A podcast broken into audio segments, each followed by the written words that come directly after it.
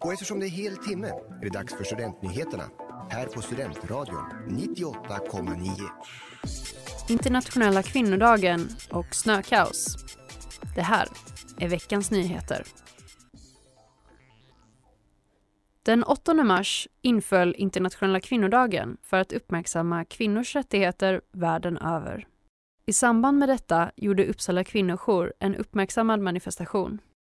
På Uppsala centralstation har de hängt upp 360 bhar som ska representera varje våldsutsatt kvinna som har sökt hjälp hos kvinnojouren det senaste året.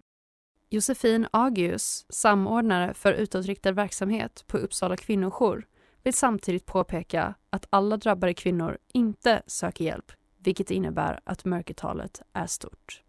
Det rapporterar SVT Uppsala. Motverkandet av mäns våld mot kvinnor är en av många frågor som regeringen arbetar med. Detta skriver de i en artikel i samband med kvinnodagen på regeringskansliets hemsida. Regeringen ska nu ta fram ett åtgärdsprogram för att långsiktigt bekämpa mäns våld mot kvinnor. Detta är en av flera insatser som de lyfter i sitt jämställdhetsarbete.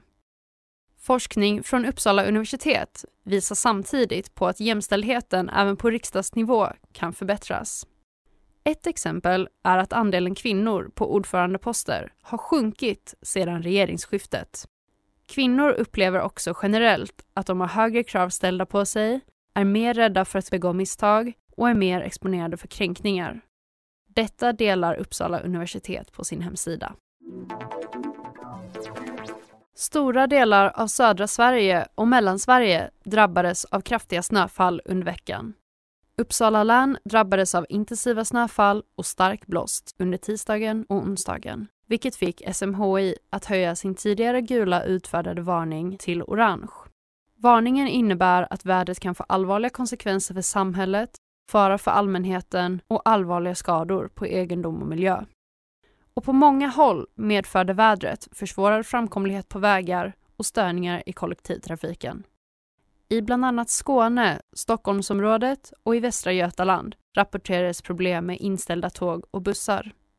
Det uppstod även problem med kraftiga bilköer och olyckor på bilvägarna. Hanna Winge, meteorolog på klart.se, prognostiserar att vintervädret och kylan kommer att hålla i sig framöver.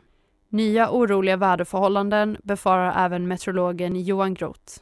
Enligt honom kan vi förvänta oss ny snö som övergår i regn under veckan. Veckans nyheter i Studentradion 98,9 producerades av mig, Vilma Svanberg Eriksson.